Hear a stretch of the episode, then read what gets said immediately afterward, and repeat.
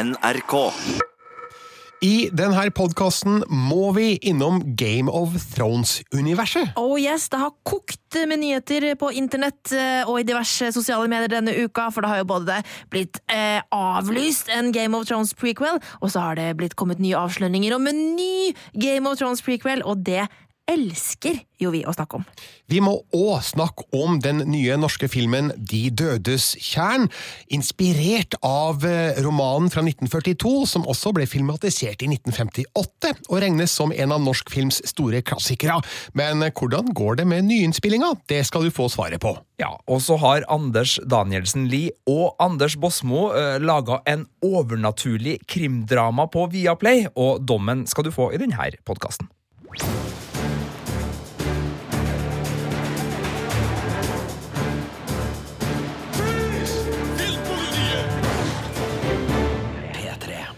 I studio Birger Vestmo. Marte Hedenstad. Og Sigurd Vik. Og to av oss er ekstremt opptatt av Game of Thrones-universet.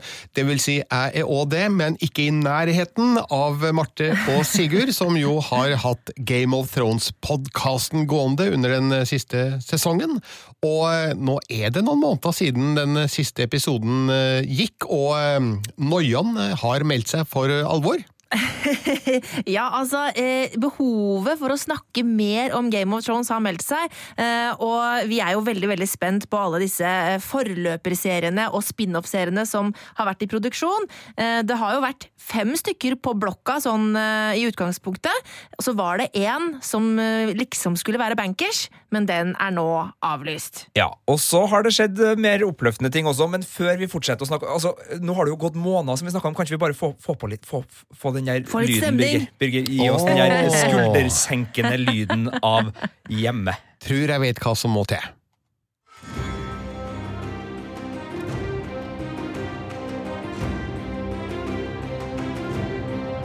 Altså, det er jo ikke sikkert at det her blir åpningsvignettmelodien til det House of Dragons.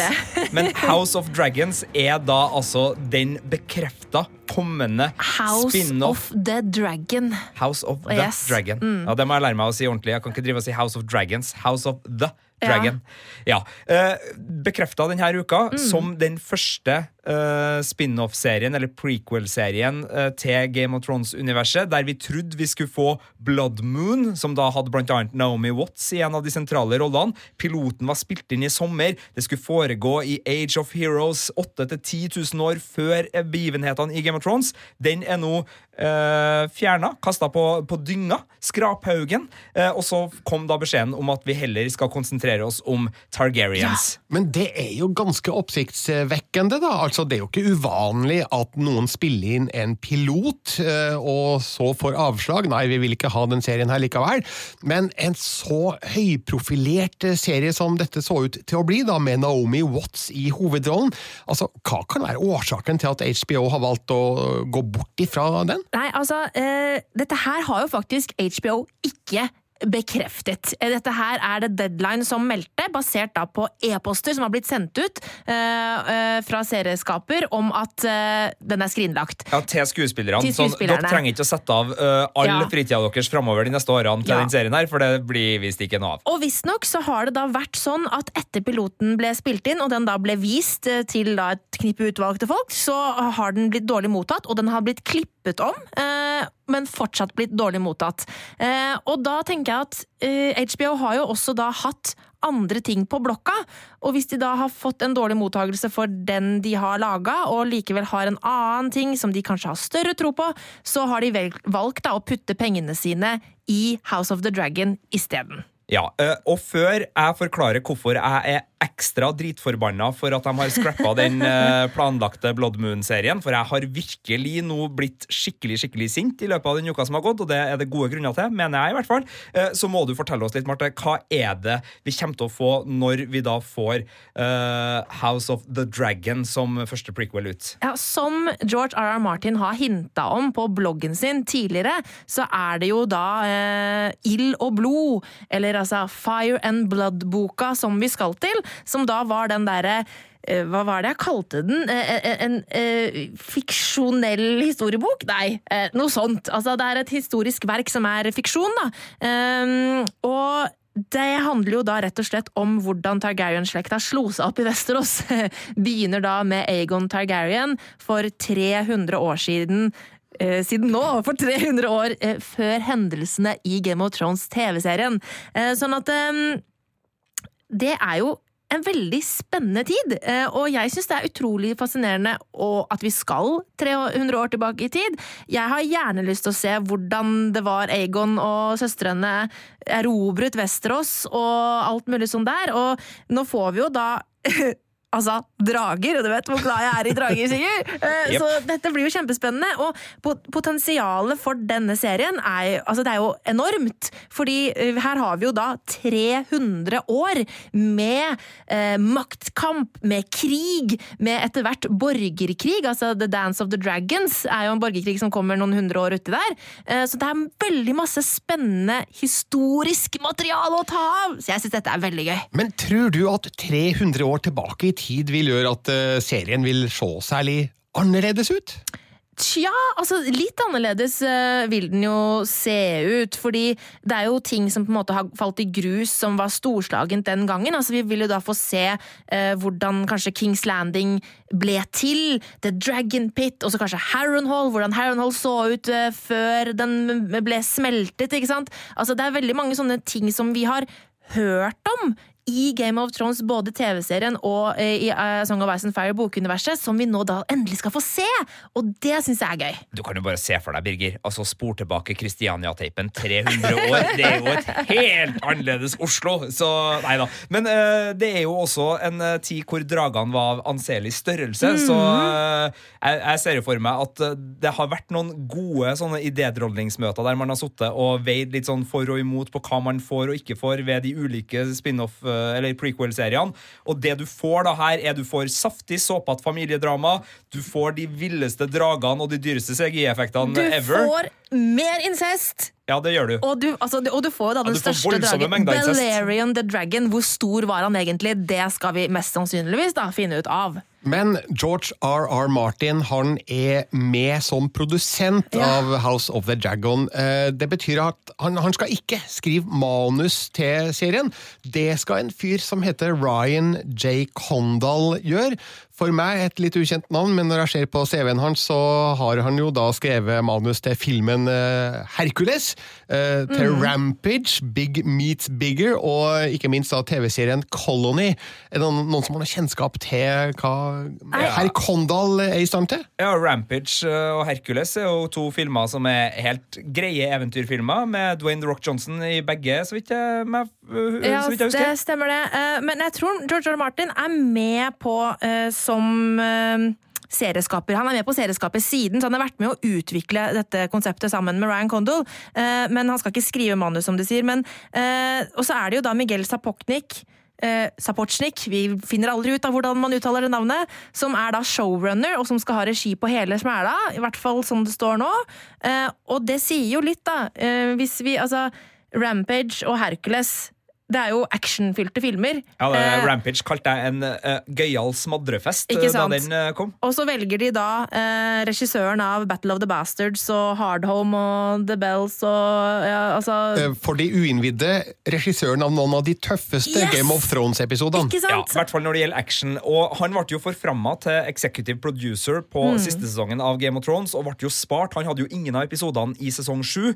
Han hadde Battle of the Bastards i sesong seks, som var liksom nesten finalen der. Og så ble den spart og fikk da de store slagepisodene i sesong eh, åtte. Mm. Så dem som eh, husker da The Long Night, og ikke minst da finaleepisoden hvor hele Kings Nei, jeg skal ikke spoile Game of Thrones. Uh, uh, ja, Det har skjedd ting i Kings Landing. Det er den uh, personen som nå har Og også laga Hard Home back in the day.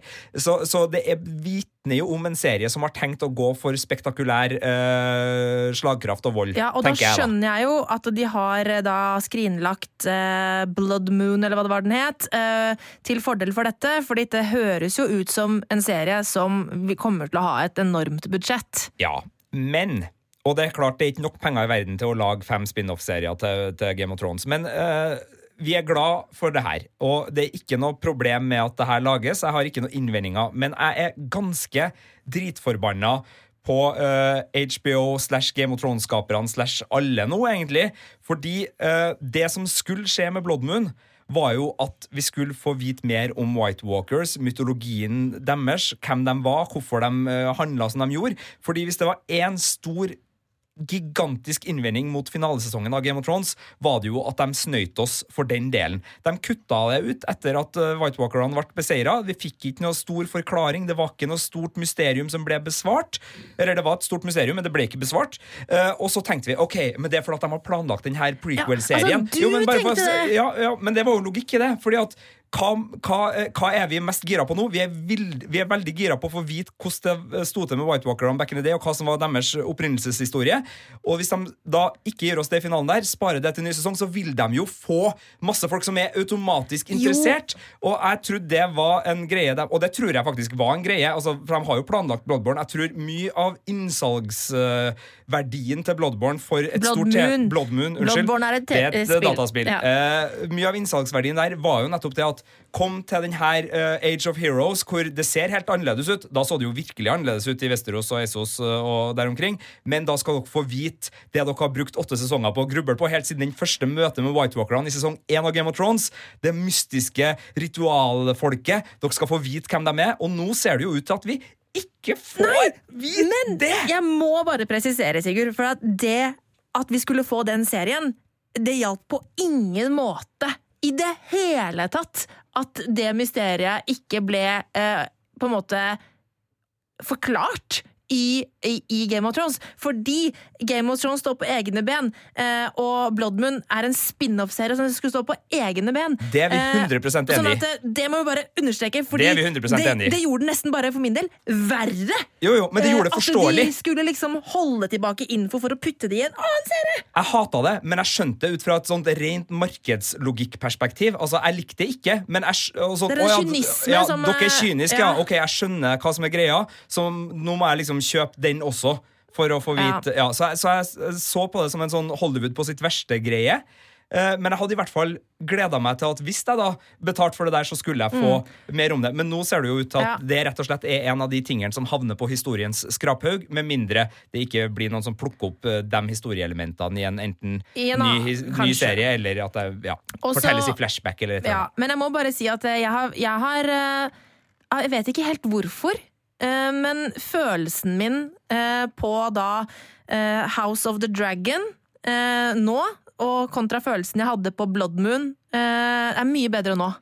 Jeg, jeg, jeg føler uh, det, her, det, det her har bedre følelse i magen. Men er ikke det fordi at innerst inne så er du Targaryen, jeg er Stark, og du fikk liksom serien din nå, mens jeg mista min? Nei, nei. Uh, hvorfor er jeg, er jeg Targaryen? How- at jeg elsker drager? Ja, og du har Mother of Dragons-T-skjorte, og du heia på incest helt til the bitter end. Jo, du er Targaryen, Marte.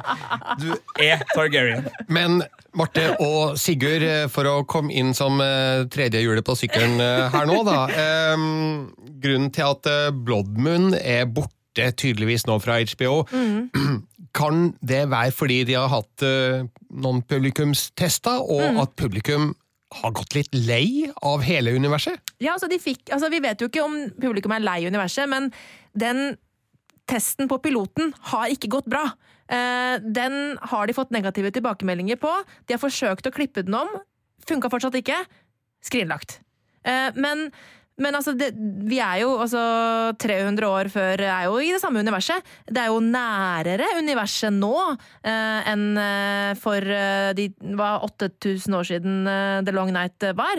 Eh, sånn at eh, det universet vi får se i House of the Dragon, ligner mer på Game of Thrones sånn vi har sett det. Ja, og du får inn familiene. De andre familiene er jo til stede. Du har Starks, du har Lannister-familier som, som du kan Men det som jeg tror kanskje Det som kan være en liten greie, er at det som gjorde at Game of Thrones fenga så mange da den TV-serien kom og begynte å bygge seg oppover, var jo nettopp det at ja, dette her er en fantasy-serie, men det er egentlig en dramaserie som tilfeldigvis foregår i et, uh, et fantasy-univers. Dette handler om politikk, det handler om renkespill, ikke sant? alle disse tingene. Uh, og så er det tilfeldigvis i et fantasy-univers. Og det var noe som fenga veldig mange, flere enn de som kanskje vanligvis ser på fantasy. Eh, Og, og, så har det blitt enda mer og mer magi utover etter hvert eh, med White Walkers osv. Og, så og det kan jo hende at de nå ønsker å kanskje gå litt mer tilbake til røttene. Ja, det er drager her, men det handler jo mer om dette politi, politiske spillet, maktkamp, erobring. Eh, mer tilbake til kanskje det som var grunnpilaren da, av Game of Thrones TV-serien da den begynte back in the day. Nå eh, har vi fått eh, flere Game of Thrones-relaterte nyheter i løpet av uka som har gått, som handler om de som eh, showrunna de siste sesongene av Game of Thrones. Benioff og Wise. Yes.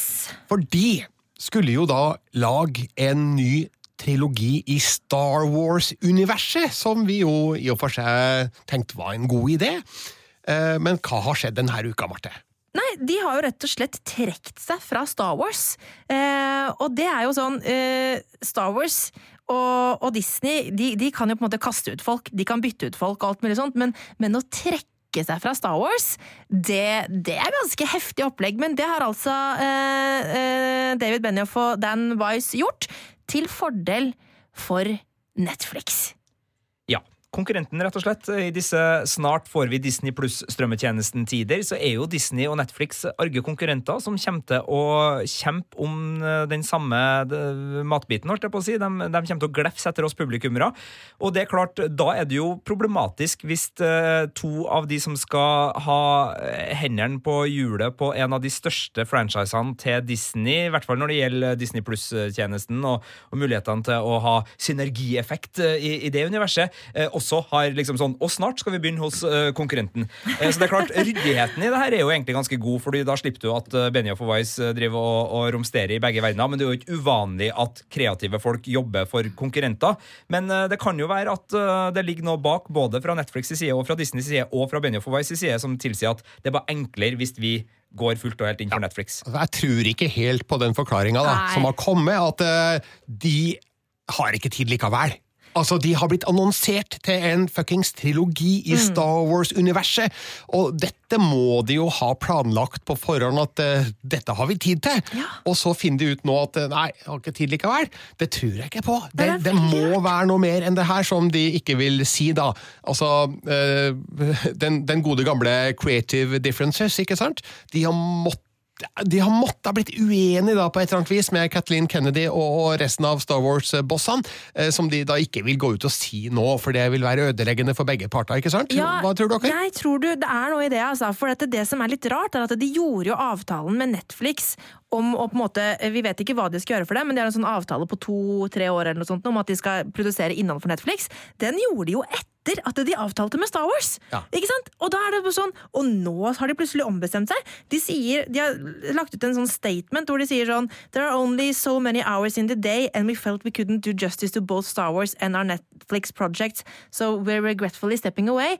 Men ja, den klassikeren Creative Differences, kanskje det er jo flere bevegelige deler i Star Wars-sida òg her. Fordi du snakka om eh, Kathleen Kennedy, som har vært eh, hands on-sjefen for veldig mye. Men nå er jo også hennes posisjon litt trua, fordi Marvel-sjefen Paul Feig er jo rykta og skal inn og få en, en litt sånn kreativ rolle i, i, toppen av Star Wars. I hvert fall i første omgang med en film. Og så vil jo onde tunger kanskje ha det til at de har sett Marvel-suksessen, og, og, kanskje vil ha Og så har det vært litt Star Wars-skuffelse, så kanskje mm. De eh, ønsker å gjøre noe der. Og Star Wars har jo faktisk sparka folk. Altså Josh Trank, Colin yeah, Trevorrow, Chris Miller, Phil Lord. Alle folk som har fått fyken fordi at det ikke har stemt helt med det den tonen og den søkende greia som Star Wars har holdt på med de siste årene, både med uh, Skywalker-trilogien, men også med enkeltstående filmer, og nå også da flere TV-serier som skal inn på, på Disney Plus-tjenesten. Så det er veldig vanskelig å vite hva som skjer der, for det er, liksom, det er litt sånn uh, intriger i, i, flere leire. Ja, men hver gang de har sparka folk, så har det vært tydelig at det, er, at det er Disney og Lucasfilm som har sparka. Mens her så er det jo da uh, Benioff of Wise som velger å gå, i hvert fall sånn det ser ut. Og da, det, det, er det som gjør meg sånn nysgjerrig. Er det noe de har ønsket å gjøre som de ikke fikk lov til? Altså eh, Rotter og synkende skip! Hadde de, kommet, ja, hadde de ikke tro på Star Wars som eh, liksom merkevare lenger? Det kan altså? være at de har kommet opp med et konsept for de tre filmene som eh, Lucasfilm og Disney ikke har likt, og så har de da fått muligheten til å såkalt trekke seg ja. for å ikke miste ansikt. ansikt.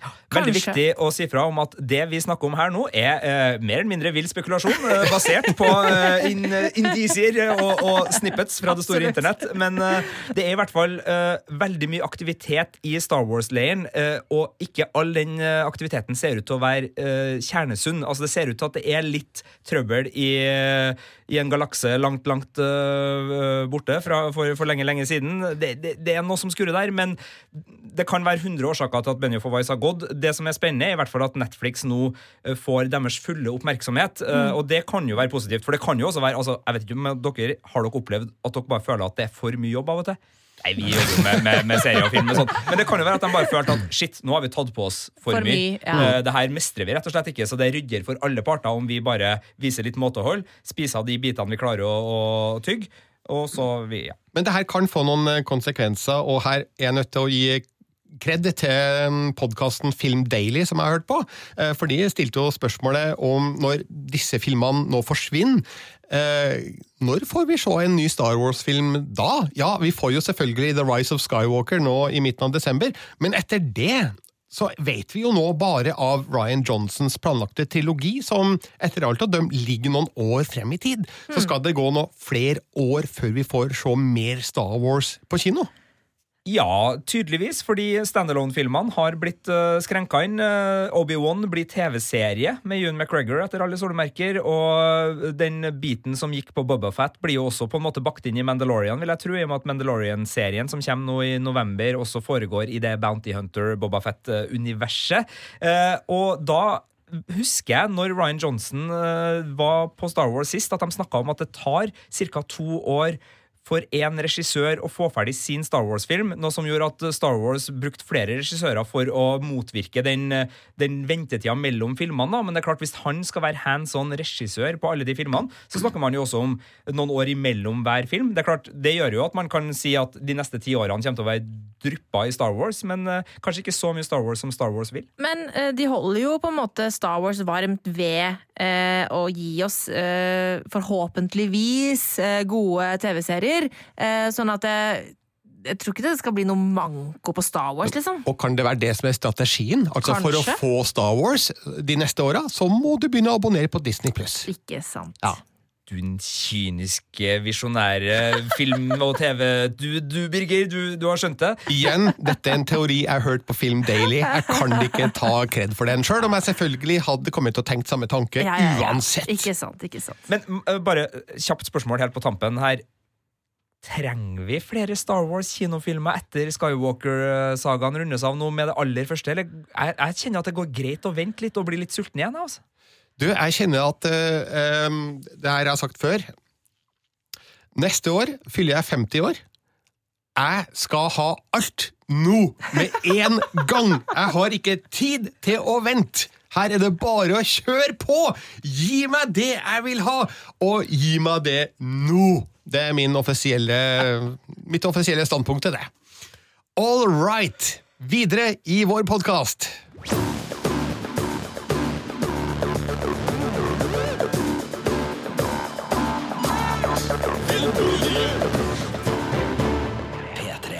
Og nå skal det handle om De dødes tjern, som opprinnelig var en roman utgitt i 1942, skrevet av eh, André Bjerke under pseudonymet Bernhard Borge, eh, som er litt fiffig fordi Bernhard Borge er en av figurene i denne historien. Eh, Boka ble filmatisert i 1958 av Kåre Bergstrøm, blant annet med Henki Kolstad og Erling Lindahl og Henny Moan i noen av rollene, og den er jo ansett som eh, en klassiker i norsk eh, filmsammenheng. Marte, Sigurd, har dere sett den originale De dødes tjern? Ja, den så jeg som en del av pensum på ungdomsskolen. Og jeg husker at jeg var livredd. Siden det så har jeg ikke sett den, så, og det begynner jo å bli ganske mange år siden. Eh, så jeg, jeg husker jo på en måte grovt hva den handler om, men eh, utover det så er det litt vagt for meg. Ja, Jeg har også et anstrengt eh, forhold til den. Ikke fordi det ikke var bra, men fordi jeg syns den var gyselig skummel. Og senest på hyttetur for to-tre uker siden, når jeg gikk ned for å hente vann i Kjønna sånn uti de små timer, med litt promille, skal sies, så dukka den opp, eh, og den eh, skremte meg på flatmark da også. Ja. Men jeg så den for tidlig, for at den har jo litt humør òg, har ikke den det, Birger? Men Ja. det, det tror jeg var, gikk over ja, hodet mitt. over hodet mitt. Ja. Det er et lystspill med noen eh, grøssende sekvenser. Jeg så den for bare noen få dager siden. Det her har vært et enormt stort høl i min filmografi, eller min filmkunnskap, men jeg fikk endelig sett den på mm, Den ligger ute på nettstedet filmarkivet.no, som har masse gamle norske filmer for de som er interessert i det. Eh, og eh, nei, jeg syns også det var en, eh, en fin film. Skjønner godt at den er regna som en klassiker, og den er jo ikke spesielt kjempeskummel sett med 2019-øyne. Nei, ikke sant. Det er den ikke. Men jeg forstår jo at datidas publikum, og Sigurd og Marte som 14 unge ungdommer, syntes at det kunne være litt skummelt. Men jeg blir ikke skremt av den nå. Men jeg skjønner at den var skummel en gang i tida. Nå har det altså kommet en ny versjon av De dødes eh, tjern. Eh, regissert og skrevet av eh, Nini Bull Robsam, som er kjent for filmene Amnesia og Hjelp, vi er i filmbransjen. Og hun skrev også manus til skrekkfilmen Rovdyr, som kom i 2008, der hun også spilte en av rollene, nemlig Mia. Litt av et vågestykke å kaste på en norsk filmklassiker, og nå skal vi finne ut hvordan det har gått. Jeg har bare hørt at det, liksom, at det skal være noe med det tjernet her. Dem, som sang til bunns, de vil leve for evigt.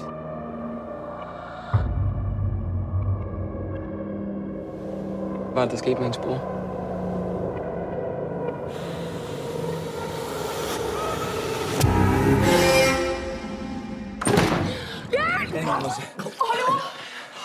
Harald! Harald!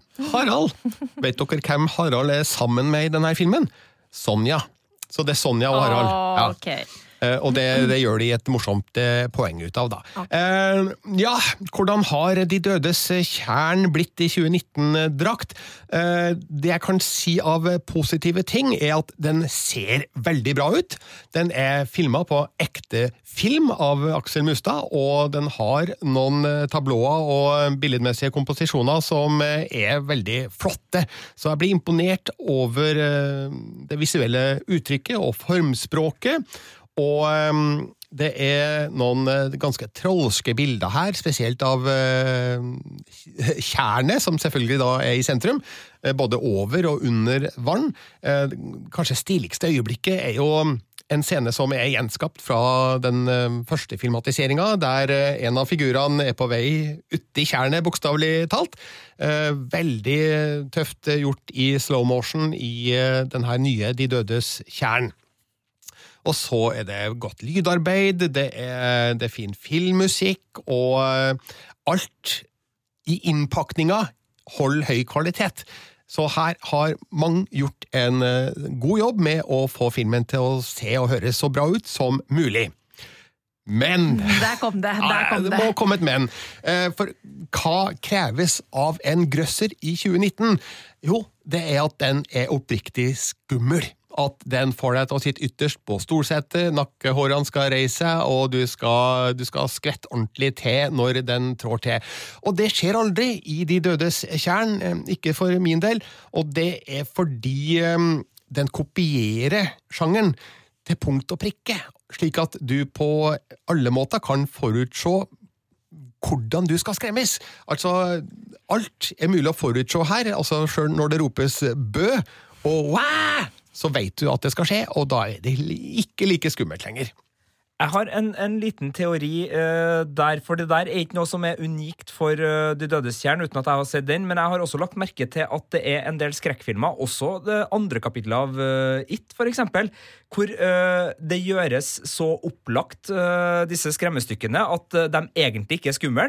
Men jeg lurer på, er det fordi at de da gir et publikum som egentlig ikke har lyst til å bli fundamentalt uh, forstyrra og, og skrekkslagen, en mulighet til å føle en mestringsfølelse og la seg begeistre av en sjanger som de egentlig ikke har mage til å tåle? For, jeg, for jeg, jeg tenker oppriktig da at ordentlig gyselige filmer er nesten filmer jeg ikke vil se. For at det, er, det, jeg det, ser jo ikke skrekk, for det ødelegger eksempel. meg. Men nå har jeg liksom gang på gang på disse remakene, enten det var Poltergeist, eller det var Child's Play, eller det var It, som nesten Ja, det er jo en remake. Så her er det liksom sånn de er jo ikke skumle. De var jo ikke så skumle, originalene heller, eh, nødvendigvis. Men, men altså, der ble jeg i hvert fall skremt, husker jeg. Mm -hmm. Men nå så er det liksom Det er så forutsigbart og så lydlagt, spesielt da opp mot uh, jump scare og, og sånne ting, at det føles som om noen holder meg i handa for å bare liksom geleide meg gjennom et spøkelseshus for å si sånn Du klarte det, Sigurd. Du er stor gutt nå. Det her hadde du utbytte av. Og så er det, det er ufarlig, da. Nå er jeg kanskje en helt idiotisk person uh, å spørre, men uh, jeg blir jo redd av jumpscares selv om jeg vet at de kommer. Altså Selv om eh, musikken Jeg hører at musikken bygger, bygger seg opp, jeg skjønner at borti gangen der nå så skal det hoppe opp en ting. Eh, Jeg, jeg vet jo det, men når det kommer, så skvetter jeg jo for det.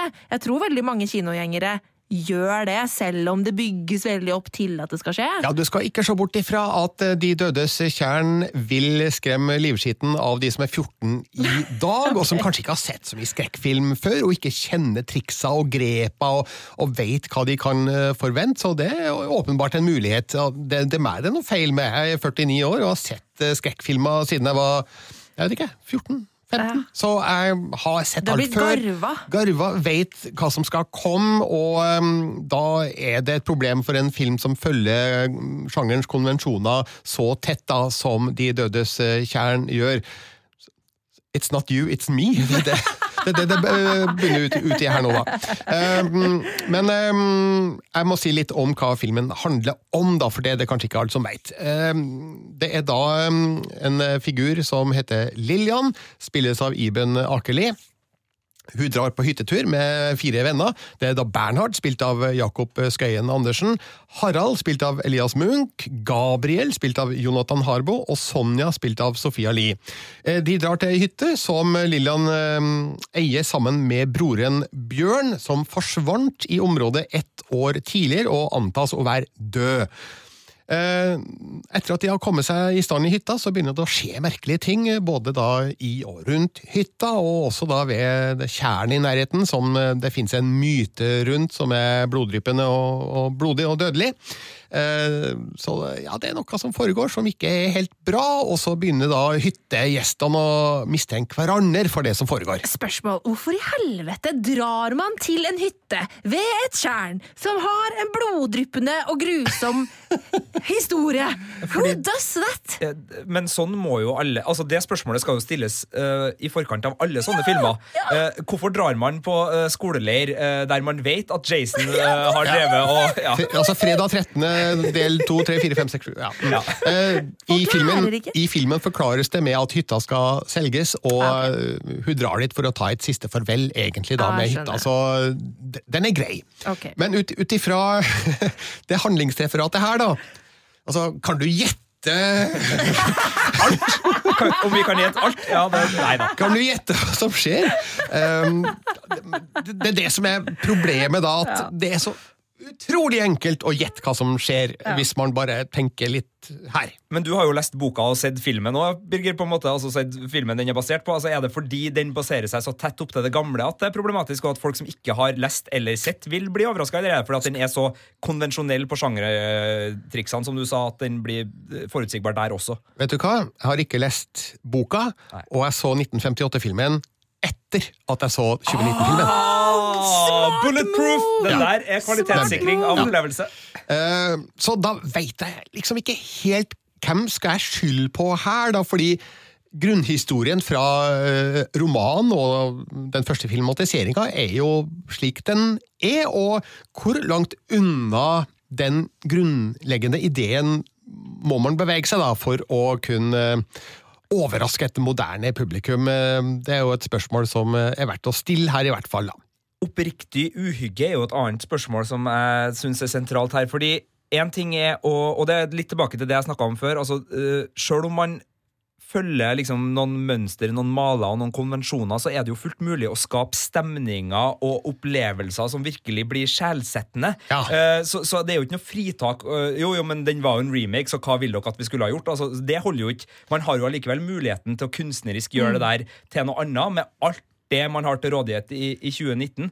Vi er tilbake da til det jeg var inne på innledningsvis, at filmen ser veldig bra ut. Så de lykkes jo med å skape en, en stemningsfull eh, setting rundt hytta og tjernet som eh, passer filmens innhold. Så eh, det er ikke det som er problemet. Altså, mitt hovedproblem er jo at jeg blir ikke skremt da, av de andre triksa de har oppi ermet. Altså, jump scare-situasjonene som det er en del av, de, de er veldig tradisjonelle og enkle å se skal komme. Og um, jeg føler også at det ikke er helt uh, på plass, da, dette persongalleriet som jeg nå nevnt. De er litt forandra ut ifra de som vi møtte i romanen og den første filmen, men de har visse funksjoner og karakteristikker som det ikke gjøres noe spesielt med, da. Det er mulig at det er ting her i manuset som har blitt klippet bort, eller eh, blitt forandra underveis, eller kanskje aldri innspilt engang, men får liksom ikke noe kjøtt på beinet. De blir litt vage, de personkarakteristikkene i den filmen, så vi får aldri helt eh, et så veldig godt forhold da til persongalleriet. Sjøl om de de er flinke skuespillere, det er en del ukjente fjes her, men også da noen kjente, da, som spesielt Iben Akeli og, og Jakob Skøyen Andersen. og de er forholdsvis flinke til det de har av utfordringer i, i manuset. Eh, det, er mange, det er et par dansker her, og så er det i hvert fall en svenske, så um, det, det er ganske nordisk, da. Jeg tenker jo at eh, det er litt typisk norsk film anno 2019, at det skal på død og liv blandes inn noen andre skandinaver her, men det har kanskje noe med finansiering å gjøre, da. Ja. Eh, Men de, de, det er flinke, freshe fjes, så eh, de gjør en forholdsvis god jobb, da. Så det er en film som eh, kanskje passer de som er 14 i dag, da, Marte. Du- Eller de som er lettskremte, sånn som jeg er jo Eller de som er- superlettskremt. Ja, nemlig. Uh, jeg må innrømme at jeg er litt middels fornøyd da med Dødens Nei, De, De dødes jern, når jeg husker tittelen også. Uh, den prøver jo da å modernisere en gammel eh, historie. Lykkes ikke helt med det, fordi eh, det er for svake grøss. Jeg blir ikke skremt, jeg blir ikke satt i den rette uhyggestemninga. Eh, og så er det da en historie som dessverre er veldig forutsigbar for mitt vedkommende, så derfor så har jeg nøyd meg med å gi en terningkast tre til De dødes kjern.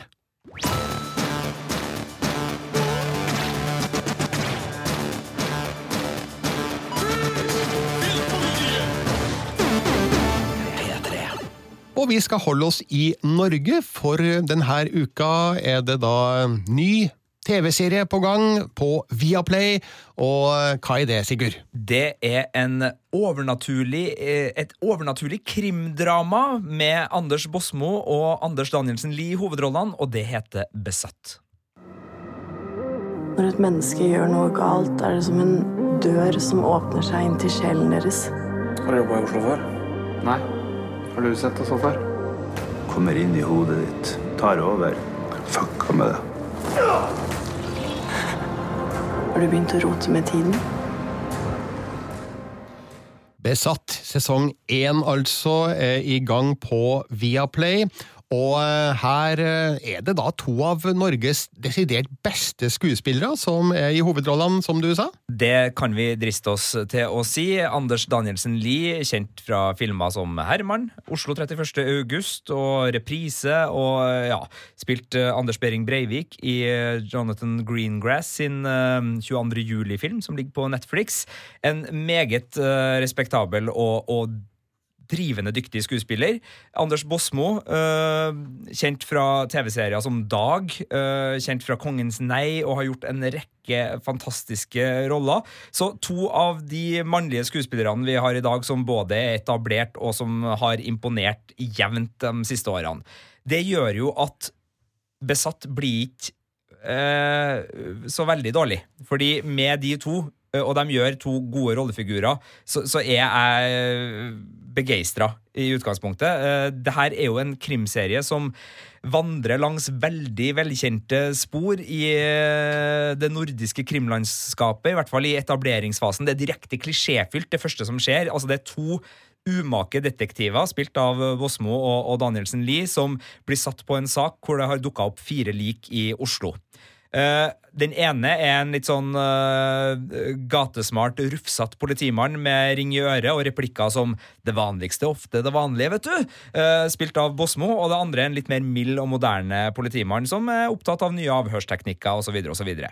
så stoppa der, så er det bare sånn her pitchen går ikke lenger. Du kan ikke lage den pitchen i 2019. Det er for uh, tradd. Du kan selvfølgelig gjøre det som brukskunst og mate et publikum som bare vil ha mer av det de fikk i fjor, men det, der stopper det. Men heldigvis, på hjemmebane så er de to her uh, politiklisjeene uh, verdt å stifte bekjentskap med, for der ligger det mye.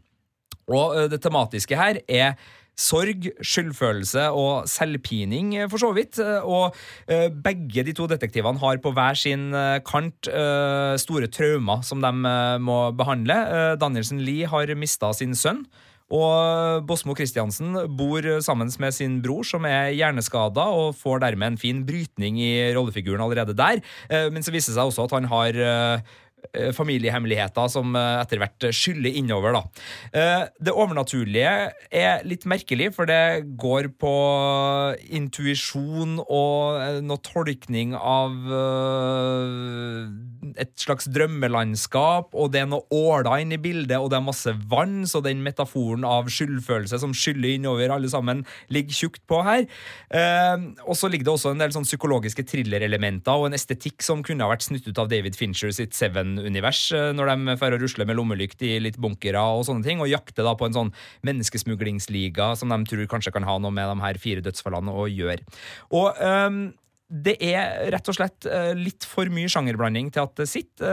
Jeg elsker at de prøver, og Viaplay har jo laga noen jeg vil si ganske kjedelige krimserier med Rigg 45, som foregikk på en oljeplattform og egentlig bare var en Agatha Christie rip-off, og Elven, som foregikk oppe i Nord-Norge, og som hadde masse ingredienser som var kule, men som ble en helt sånn run of the mill eh, krimdramaserie. Her er det ambisjoner. Og regissørene Rune Denstad Langlo, som da har de fire første episodene, og Erik Svensson, som har de fire siste. altså Her snakker vi om regissøren fra Welcome to Norway Nord, som har jobba med Bosmo Christiansen mange ganger før, i, Rune Denstad Langlo. Og Erik Svensson hadde Harajuku, som gikk på kino i fjor, var det vel, og har også regissert uh, Unge lovende. Uh, to veldig dyktige regissører som prøver og, og skape noe, noe særegent, og som er både visuelt nysgjerrig, tør å ha brå overganger som spenner veldig i stemninga. De går, Du var inne på det med eh, De dødes tjern. altså Det visuelle landskapet her er tidvis helt fantastisk. altså øh, øh, Det blir sånne sjablongbilder av skogholt hvor det er liksom ulmende lys i bakgrunnen som kommer fra lyskastere, mens man ser silhuetter som går og søker i forgrunnen. Det er helt nydelig å se på, men det, det svinger aldri sammen, og det blir aldri til en større enhet. Det bare slår litt hverandre i hjel. Altså det symbolske, det overnaturlige. Det psykologiske blir bare en litt sånn intetsigende, insisterende, vanndryppende greie som ligger over hele serien, men, men gir meg egentlig mer seighet enn I hvert fall uh, magekribling når det gjelder krimplotter. Da. Mm. Du kaller det generisk i anmeldelsen din uh, på p3.no. ja. Og Det er starten, da. Det skal sies. Jo, altså, jo, ja. men at det er liksom at plottet er litt sånn generiske. Der hvor Birger er veldig garva på skrekkfronten, men kanskje sånne litt folk som ikke er så vel bevandra på skrekkfilmfronten, kanskje ville blitt skremt av De dødes tjern. Altså, folk som ikke har sett like mye krim som deg, vil man få noe ut av, av det her? Altså, er det øh, Er det noe interessant å hente her? Ja, det er masse interessant å hente, men jeg tror heller ikke den uh, gjengen som vil ha en krimopplevelse, får greia si. For den forlater det generiske nordisk noir-sporet relativt tidlig. Det ligger der hele tida. Altså, det er jo etterforskning, og, og, og, den biten altså Hvis du hadde trukket ut etterforskningsplottet fra manuset til uh, Megan Gallagher, som også har skrevet 'Grenseland', som gikk på TV2 i, i fjor, så, så, vil du jo kunne Du kan godt snekre et nordisk noir-opplegg øh, rundt det, det krimplottet. Det har noen veldig uh, litt sånn surrete sidespor og, og, og skvise det sammen på litt kunstig vis, men, men det ligger en sånn ganske tradd nordisk noir-åre mm. i, i bunnen der. Men serien bruker så mye tid på uh, hovedpersonene sine og deres indre reise mot, uh, mot på en måte sluttresultatet av denne etterforskninga. Men det er mer en personlig reise, og, og den er sausa av så mye andre sjangerelementer at det vil aldri eller det føles i hvert fall ikke som en tradd krim på noe som helst vis i så måte, men settinga er der. premisset er der, og det er klart, de scenene som foregår på Oslo politikammer, som dessverre ikke er blant de sterkeste når det gjelder eh, birollegalleriet, eh, vil jo selvfølgelig gi en smak av eh, Oslo og tradisjonell norsk etterretningskrim. Da. Du skriver i anmeldelsen din på p3.no Filmpolitiet at uh, serien er minst to episoder for lang. Ja. Det er åtte episoder. Eh, Hvis du har Viaplay, så ligger alle åtte episodene ute allerede. Hvis du skal se det på TV3, så kommer det vel ukentlig der. Er det, Eh, er det da pacinga du tenker på? Ja, eh, det er spesielt episode fire som jeg tror heter eh, med, uh, nå med, med venting. Skal jeg, skal jeg sjekke med Den heter 'Denne serien er for lang'. Eh, Nei, det, det gjør den ikke. Altså, og, du det skal ikke bli sarkastisk, eller noe sånt, for det fortjener ikke serien. Det, det er en nysgjerrig og oppriktig eh, forsøk på å skape noe, noe nytt her, og det, det er jeg veldig begeistra for. Men uh, skal vi se, den fjerde episoden heter Ventetiden, Ja. og det føles det virkelig som. Og det kan man jo si er positivt, altså at serien klarer å skape øh, få, Gi oss den frustrasjonen politifolk kjenner på mens de venter på innsatsteamet. Men som underholdningsserie så blir den ventetida det, Da satt jeg og kjeda meg, altså. I episode fire. Da satt jeg og kjente på det. Og det er noe med, med øh, lengden på, på de ulike historiene og, og følelsen av repetisjon som gjør at den er noen episoder for lang. De kunne godt ha fortalt den samme historien øh, litt fortetta, øh, og kanskje fått mer energi og mer driv ut av det.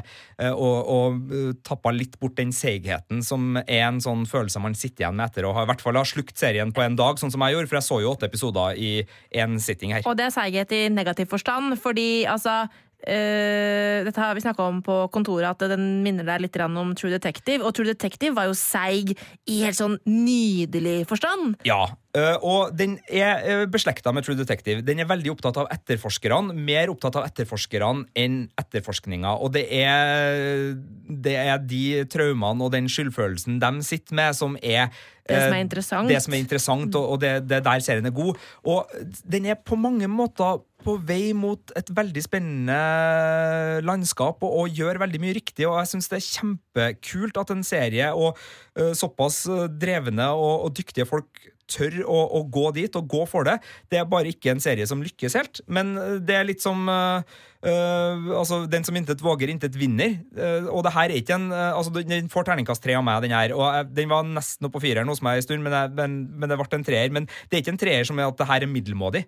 Det er en treer som at noe er fantastisk, men noe svinger virkelig ikke. Og, og den samla summen øh, denne gangen Uh, satt ikke for meg. Uh, og uh, det er nok mange grunner til det, men, men det at krimplottet er såpass vassent, og at det blir med litt tung labb når det gjelder både effekt, virkemiddelbruk og, og, og den Altså, du føler at de krabber seg gjennom et sjangerlandskap som ikke liksom gir noe til historien. Det, det tapper energi fra den hele tida. Du føler at det, det dreneres energi fra, fra hovedhistoria. Og når det skjer gang på gang, og det i tillegg er noen litt sånn fjollete krimplott-sidespor, da, da ble det en treer denne gangen. Altså. Men den er verdt å sjekke ut, for skuespillerprestasjonene i midten syns jeg er veldig god. Men Birger, du har sett litt på det, du òg. Du så de to første episodene i Haugesund. Hva var ditt uh, førsteinntrykk? Er du enig, uenig? Nei, Jeg er ganske enig i det du har eh, fortalt oss eh, her nå. Det var to litt uferdige episoder jeg så på filmfestivalen i, i Haugesund. Eh, Men eh, det er selvfølgelig godt skuespill, ikke noe tvil om det. Altså, Begge Andersene leverer jo eh, topp kvalitet eh, stort sett eh, alltid. Eh, Men de to episodene jeg så, det var litt for lite til å få noe skikkelig godt inntrykk av eh, hvor den serien var på vei hen, da. Eh, Det er en del forvirrende elementer i de første episodene som man ikke greier å plassere sånn akkurat der og da. Men eh, jeg tenkte også det du snakka om, at bak de to hovedpersonene så var det en del skuespill som kanskje ikke satt helt 100 da. Eh, Men jeg tror jeg kommer til å se- se resten av eh, serien. Jeg ble nok eh, fenga til at jeg tror jeg skal gi den en, en sjanse, i hvert fall. Sjøl om jeg hører jo her nå at det har ikke blitt helt blink. Nei, men hvis man er interessert i å se hva norsk serie kan gjøre med politiklisjeene sine, så er det her absolutt en, en severdig sak. For det er veldig interessant å se når du tilfører den skuespillerfinessen som begge Andersene har, til eh, den type rollefigurer. Fordi de fester seg. Det er mennesker som dukker opp med, med både personlighetstrekk, og, og de starter på noen samtaler og noen tankerekker. For det er veldig mye interessant tankegods det pirkes i her, når det gjelder liksom oss mennesker, hvordan vi lever sammen, og hva traumene gjør med oss. Og der er det jo helt fantastisk å ha Bosmo Christiansen og Danielsen Lie, eller Bosmo og Danielsen Lie, som, eh, som nå er, er riktig å si. Mm. Uh, uh, så, så, og der er det jo serien på toppnivå. Altså, Det er en helt fantastisk. Eh, så, og jeg vil også si at eh, Salome Emnetu, som spiller samboeren til Danielsen Lies rollefigur, og uh, Marius Kolbenstvedt, som spiller broren til Bosmos rollefigur, er skuespillere som bidrar til at det her skuespillermessig er en uh, ja, tidvis en, en skikkelig god opplevelse. Så er det i birollene at det blir Der har ikke den der oppgraderinga av klisjeene uh, kommet helt ferdig, så der er det noen som står og hakker på 30 enda og, og ikke har fått mer enn akkurat det de trenger for å representere. Besatt eh, går på Viaplay, altså. Er det mm, alt på en gang, eller én i uka? Eh, Alt på en gang på Viaplay. Eh, TV3 viser den også. Der kommer det ukentlige episoder. Vi er tilbake med en ny podkast om en ukes tid, og ser jo på programmet at vi er nødt til å ta for oss Terminator Dark Fate. Jeg har jo sett den og anmeldt den, og også intervjua Arnold Schwarzenegger og Linda Hamilton, som da gjenforenes eh, 28 år etter Terminator 2 Judgment Day. Og så er det to julefilmer som har premiere neste uke. Ja, tidlig, men godt. Det er Det er for tidlig. er det det? Det er for tidlig. Okay. Men da får vi i hvert fall Snekker Andersen og julenissen, den vesle bygda som glemte at det var jul, og ikke minst Last Christmas. Og dere vet hva Ja, Last Christmas er basert på? Selvfølgelig. Låta. Altså Låta. julefilmen basert på låta. Ja. Last Basert på Christmas. låta, ja. Jeg syns det er altfor tidlig. Det er november. Hallo, det Men er det- november. Men det er med Emilia Clarke da, fra Game of. Thrones. Og hun er jo faktisk eh, Hun er ganske morsom eh, og fungerer eh, godt i komi, sånn romantisk komedie. Så det blir jo interessant å se. Men det største høydepunktet for meg neste uke blir jo da His Dark Materials, og, som jeg gleder meg til å diskutere. Eh, Det er jo da en ny fantasyserie på HBO. En eh, koproduksjon med BBC der. Så buketten er altså Terminator, to ganger jul og uh, fantasy fra BBC. Yes. Vi får, Det se, liker jeg, altså. vi får se om vi snakker om alt det her da i neste podkast. Vi Jeg, må jeg kanskje foreslår gjøre at et vi sløyfer julefilm! Jeg nekter å podde om julefilm i november. Har, har, har du ikke engang eh, ikke kjøpt julemarsipan heller i butikken? Nei, nei, nei! nei, nei. ok. Skal vi ordne med noe julebrus til Marte? Det er ulovlig. Det må, det må bli det. Jeg skal stille opp i nissedrakt. Nei. Denne podkasten er ferdig. Send oss en eh, rating og kommentar eh, der du har henta din podkast. Følg oss på Instagram og Twitter.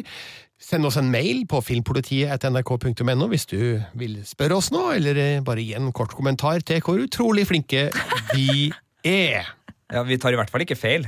Nei, vi tar Nei, det, har vi- det har vi blitt enige om. Vi har det. Og vi er altså Sigurd Vik. Marte Hedenstad. og Birger Vestmo.